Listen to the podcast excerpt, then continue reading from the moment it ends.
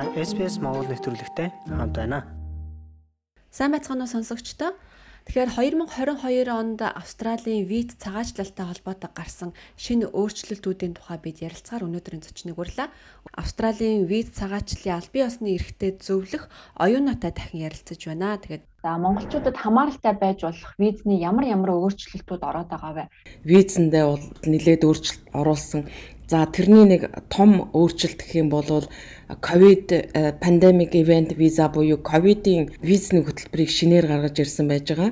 Энэ бол одоо гол санаа нь бол Австралийн энэ ажил хүчний хомсдлыг одоо тодорхой хэмжээгээр одоо бууруулах те олноор одоо гарч ивж байгаа хүмүүсийн урсгалыг баг зэрэг одоо зогсоох гэсэн ийм засгийн газрын арга хэмжээ байсан.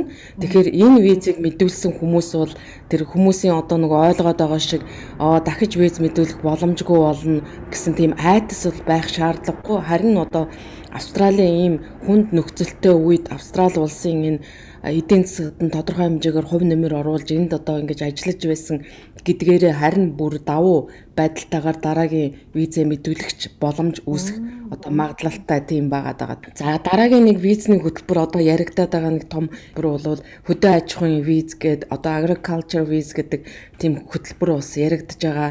За тэр нь болохдоо зэрэг ажиллах хүч дутагдaltaй байгаа секторүүдэд одоо гаднаас ажилчид олноор оруулж ажилуулах ийм визний хөтөлбөр За ямар ямар улсууд орж энэ хөтөлбөрт одоо иргэдээ ирүүлэх боломжтой гэдэг дээр бас тодорхой одоо тийм ойлголт нь бас хүрээгүй байгаа. За тэгэхээр ажиллах хүчээ нэмхийн тулд аялал жуулчлал, эрүүл мэнд, хөдөө орон нутагт одоо ажиллаж байгаа хүмүүст одоо байнгын оршин суух эрхтэй виз буюу одоо PR визийг авах боломж бүрдсэн. Энэ тухайд та тайлбар өгөөч. А за тэгэхээр энэ дээр бас нэг нэг зүйл нэмж хэлэхэд бол нөгөө Австралийн нэн шаардлагатай мэрэгжлийн жагсаал гэж байдаг. Хоёр жагсаалтай байдаг. Нэгдүгээр жагсаалт буюу одоо урт улам богино хугацааны нэн шаардлагатай мэрэгжлийн жагсаалтанд байгаа мэрэгжлэр ажиллаж байгаа хүмүүсийн хувьд бол цаашаа PR виз авах те байнгын орсон сууч болох боломж бол нээлттэй байдаг. А харин хоёрдугаар лист буюу одоо богино хугацааны энэ шаардлагатай мэрэгжлийн жагсаалтанд байгаа мэрэгжлэр ажиллаж байгаа хүмүүсийн хувьд бол PR болох боломжгүй байдаг.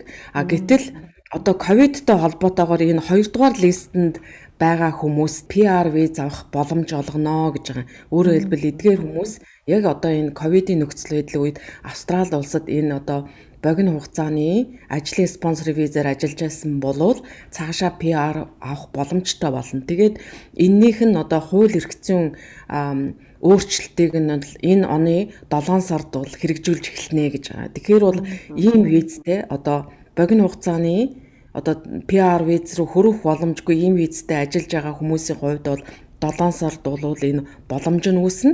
А хэрв энэ 7 сараас өмнө виз чинь дуусахаар болвол ковид виз рүү ороод одоо бас энэ одоо амьдарч яж болно гэсэн тийм чиглэлийг бас иммиграшнээс цагаачлалын албанаас өгсөн байж байгаа. Энэ мэдээллийг анх одоо танилцуулахад бол critical sector буюу чухал салбарт ажиллаж байгаа эсвэл одоо хөдөө орон нутагт ажиллаж байгаа хүмүүс одоо боломж олгоно гэжсэн бол саяхан нэмж гарсан танилцуулгадаа бол ерөнхийдөө бол ковидын үеэр энэ визтэй ажиллаж исэн бүх хүмүүст одоо боломж олгохоор ингэж өргөн хэмжээнд одоо энэ арга хэмжээг хэрэгжүүлнэ гэж нэмэлт өөрчлөлтийг бол танилцуулсан байж байгаа. А хоёр дахь тасалт гэдэг дээр манай монголчуудын хөвчлэн ажилдаг ямар зэн салбарууд байгаа болоо та эндээс дурдж болох уу? А нэгдэх жагсаалт нь бол нөгөө яг тодорхой мэрэгчлүүд байдаг шүү дээ. Инженер, багш, одоо хуульч гэдэг юм уу, эмч гэдэг хоёрдугаар листен дээр болохоор тийм одоо юу түгээмэл биш мэрэгчлүүд одоо жишээлбэл өгдөг маркетинг спешиалист, хүний нөөцийн ажилтан, advertising specialist, sales manager одоо нэг борлуулалтын менежер энэ төр гэдэг нэг төдийлөн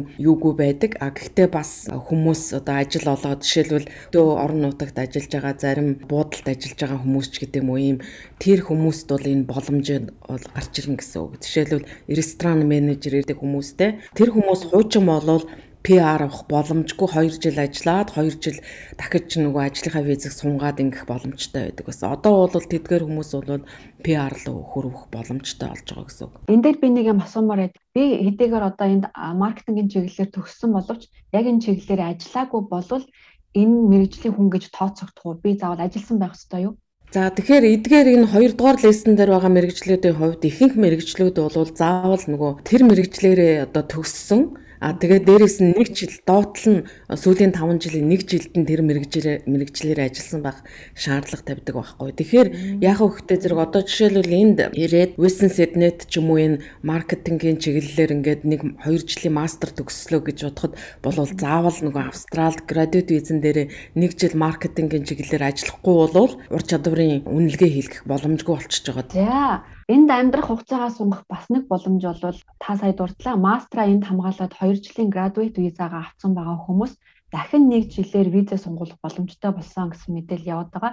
Энэ тухайд та мэдээлэхгүй бид нар яаж визээ сунгуулах вэ хаана хандах вэ гэх мэтчлэн. За тэгэхээр одоогийн байдлаар бол graduate визтэй одоо төгсгчийн визтэй хүмүүсийг 2021 оны 12 сарын 1-ээс хойш бол виз авж байгаа. Мастерын курс төгссөн хүмүүс бол 3 жилийн виз авж байгаа. За тэгэхээр э, тэр өөрчлөлт бол 21 оны 12 сарын 1-ээс эхлээд хэрэгжээд эхэлсэн гэсэн үг. А хуучин бол эдгээр хүмүүс 2 жилийн виз авдаг байсан бол одоо 3 жилийн виз авж байгаа. А гэхдээ энэ өөрчлөлт бол нөгөө бакалавраар төгсөж байгаа хүмүүст бол хамаарахдахгүй энэ байгаа. За энэ өөрчлөлт бол шинээр одоо 2021 оны 12 сарын 1-ээс хойш виза авж байгаа хүмүүс 3 жилээр ингэж гараад байгаа байхгүй юу. Одоо нөгөө хөлийн гадна байсан, орж ирж чадахгүй байсан тэр хүмүүс хамааралтай бас өөрчлөлтүүд байгаа. За энэ дээр тэгвэл сайн ойлголтын зөрүүгээ гаргаж авлаа. Ягаад гэвэл одоо TR визтэй хүмүүс Австралид бол нэлээд олон байдаг. Тэд нар нэг жилийн ирэх авах юм байна гэж ойлгоод байсан. Тэгвэл үгүй юм байна тий. Тий. Тэн дээр бол юу байхгүй байгаа тий. Зөв зөв. За тэгэхээр мэрэгжлийн боловсрол сургалтанд хамрагдаж төгссөн оюутнууд бас төгсөгчийн виз мэдүүлэх боломжтой болсон. Энийг журмын бас харьцангуй хөнгөллөө гэж одоо бас мэдээ байсан. Энэ тухайд та мэдээлэл өгөөч. За тэгэхээр э, vocational study буюу одоо нөгөө диплом сертификатын төвшин сурж байгаа оюутнуудын хувьд хуучин болвол заавал мэрэгжил нь хэрв нөгөө нэгдүгээр лист буюу урт болон дунд хугацааны эрэлттэй мэрэгжлийн жагсаалтанд байгаа тохиолдолд одоо урьдчилсан ур чадварын үнэлгээ хийлгээд graduate одоо 1.6 жилийн ийм төгсгчийн temporary виз авах боломжтой байсан. А гэтэл энэ 2022 оны 7 сараас эхлээд энэ нөгөө мэрэгжил харгалзахгүйгээр сертификат дипломтой төгссөн хүмүүс бол 2 жилийн виз авахар ийм өөрчлөлт бас хэрэгжиж эхэлэх гэж байгаа. Тэгэхээр энэ нь бол одоогоор бол хэрэгжээгүй 2000 энэ энэ оны 7 сарын 1-ээс хойш хэрэгжиж эхлэн. Гэхдээ энэ өөрчлөлт нь бол төр зүрийн өөрчлөлт байх юм. Аа тэгээд давуу тал нь болохтой зэрэг ямар нэгэн тийм нөгөө урьдчилсан ур чадварын үнэлгээ хийх хийлгэх шаардлага байхгүй өөрөөр хэлбэл хөнгөвчилж өгж гэн гэсэн үг. Хоёрт нь болохоор 1.6 жил биш 2 жилийн виз авах боломжтой болж байгаа энэ хүмүүс нь. Та энэ ур чадварын үнэлгээ гэдгийг надад тайлбарлаж өгөөч. Энэ дээр бид нэр яг юу үзүүлэх ёстой вэ? За тэгэхээр ур чадварын үнэлгээ маань дотроо урьдчилсан үнэлгээ а үндсэн үнэлгээ гэж хоёр байгаа. А тэгээ мэрэгжлээс хамаараа зарим одоо мэрэгжлийн хувьд төр мэрэгжлийн үнэлгээ хийх процесс нь харьцангуй хялбар зарим мэрэгжлийн хувьд бол нэлээд төвөгтэй байдаг. Жишээлбэл нягтлан мэрэгжилтэй хүмүүсийн хувьд бол Австрал төгссөн тэгээд дээрээс нь айлцын 7 оноотой байгаа тохиолдолд тэн дээр бол шууд бол мэрэгжлийн бүрэн үнэлгээг одоо хангадаг. Энүүгээрээ бол давуу талтай. А гэтэл багшаар инженерээр төгсөж байгаа хүмүүсээ бас өөр байх жишээ нь энэ мэрэгжлийнхаа шаардлагаас болоод өөр өөр байдаг. Шалгалт өгнө гэсэн үг өөрөөр хэлбэл А тэгэхээр энэ дээр бол шалгалт өгөхгүй зүгээр ерөнхийдөө бол нөгөө төгссөн сургуулийн диплом үнэмлэх, дээрэс нь нөгөө ажиллаж исэн дуршлага тий тэр ажлын туршлага шаардлагатай бол ажиллаж исэн дуршлага аа тэгээд тэрийг нотлох одоо баримтуудыг бүрдүүлээд ингэж өгөх хэрэгтэй байдаг. А яг хуу зарим одоо нөгөө эмчийн хувьд clinical exam ч буюу тийм юу байгаа. Гэхдээ ихэнх мэрэгжлийн хувьд бол шалгалт өгөх шаардлагагүй байдаг. Одоо хэл хаагдахаас өмнө виза авчихсан Гэхдээ хэл хаагдсны улмаас орж ирч чадаагүй байгаа хүмүүст бас янз янзын боломжууд гарч ирсэн сураг байсан. Энэ тухай та мэдээлэл өгөөч. Тэгэхээр эдгээр хүмүүс нь одоо хохирохгүй. А тэгэхээр тэр хүмүүс одоо хоёр боломж байгаа. Нэгдүгээрт нь хэрв одоо 2020 оны 2 сарын 1-ээс 21 оны 12 сарын 15-ны хооронд одоо graduate visa-тэй байсан. А гэхдээ энэ хугацаанд бас хэлийн гадна байсан тохиолдолд хэрэг виз нь дууссан болвол визэн дахин сэргээж байгаа. Тэр сэргээхдээ бол энэ оны 9 сарын 22 хүртэл дахин сэргээнэ.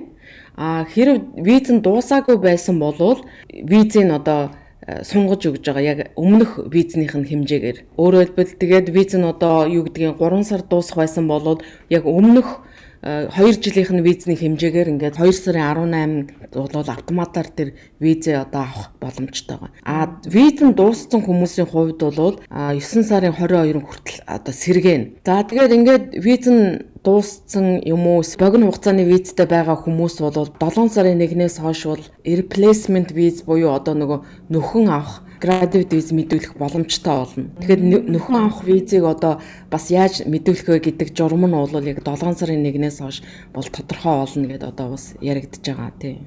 Та сая автоматар сунгагдана гэж ярьлаа шүү дээ. Тэгэхээр бид нар одоо визээ энэ алдсан хугацаагаа дахиж авъя гэвэл ямар нэгэн хүсэлт гаргаж дээр А тэн дээр бол хүсэлт гаргахгүй зөвхөн өмнө нь одоо graduate visa мэдүүлэхэд хэрэгжилжсэн тэр email хаяг руу нь бол автоматар дахиж виз ирж байгаа. А тэгээд тэд нэр хэрэг одоо ямар email ашигласнаа зарим хүмүүс мэдэхгүй байж болно. Юм бол нөгөө Viva check руу орж хараад нөгөө виз сунгагдсан байна уу гэгээ тэндээс одоо шалгах боломжтой. За Австрали улс бол бас гадны оюутныг татах зорилгоор янз янзын арга хэмжээ авч эхэлж байгаа. Тэгэхээр оюутан татах зорилгоор ямар арга хэмжээнүүд байгаа вэ? Энэ тухайд та бас мэдээлэл өгөөч.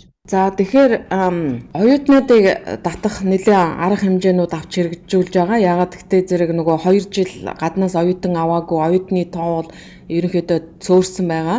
А тэгээд энэ оюутнуудыг татаж татах зорилготой арга арга хэмжээ бол сая Австралийн засгийн газраас гадаад оюутны 10 жилийн стратегийн бодлогыг одоо боловсруулж танилцуулсан. Тэгэхээр энэ 10 жилийн бодлогыг бол 2016 онд бол танилцуулсан тэр нь бол 25 өнгөрт үргэлжлэхээр байсан. Гэтэл энэ бодлогыг одоо дуусаагүй байхад нь дахиж шинээр одоо ийм бодлого танилцуулсан нь одоо яг энэ ковидын нөхцөл байдалтай үүссэн энэ хямрал даван туулахад зориулагдсан гол өөрчлөлтүүдийг энэ бодлогынхаа хүрээнд бол танилцуулсан байж байгаа. Австралийн засгийн газраас гаргасан оюутны талаарх авч хэрэгжүүлэх 10 жилийн стратегийн тухай бид тусдан нэвтрүүлэг бэлдэн оруулсан та бүхэн энийг манай нэвтрүүлгийн тайлбар хэсгээс аваарай. За Тэгэхээр виз цагаачлалтай холбоотой мэдээллийг та заавал баталгаатай их сурвалжаас авч байгаарай. Холбогдох улсын байгууллагын аль бие усны веб сайтуудыг мөн нэвтрүүлгийнхээ тайлбар хэсэгт оруулж өгөх болно. Цаг зав гаргаж бидэнтэй ярилцсан оюунагчтай баярлалаа. За баярлалаа. Тэгээд энэ визний өөрчлөлтүүдээс нэлээд одоо таатай өөрчлөлтүүд байх байх гэж бас үзэж байна. Яагаад гэвэл зэрэг Австралич өөрөө бас олон үндэстний улс цагаачлал дээр тогтдог тийм. Одоогийн байгаа энэ ихэнх визний том хөтөлбөрүүд маань одоо энэ дэлхийн 2 дугаар дайны дараа бас эдийн засгийн сэргээхтэй холбогдуулж авсан ийм хөтөлбөр байдаг юм байлээ. Тэгэхээр энэ ковидын нөхцөл байдал ч гэсэн яг тэр дэлхийн 2 дугаар дайны үеиг шиг тийм эдийн засгийн том одоо цохилт ч гэх юм уу те өгсөн байх гэж бодож байна. А юм бол бас Австрал бас энэ эдийн засгийг бол бас энэ гадны ажиллах хүчний тусламжтайгаар л одоо сэргээж боломжтой гэж тэгж харж байгаа баха гэж бодож байна тийм. Та SBS Монгол нэвтрүүлэгтэй хамт байна. Бусад сонирхолтой нэвтрүүлгүүдийг SBS.com.cg Mongolian вебсайтаас аваарай.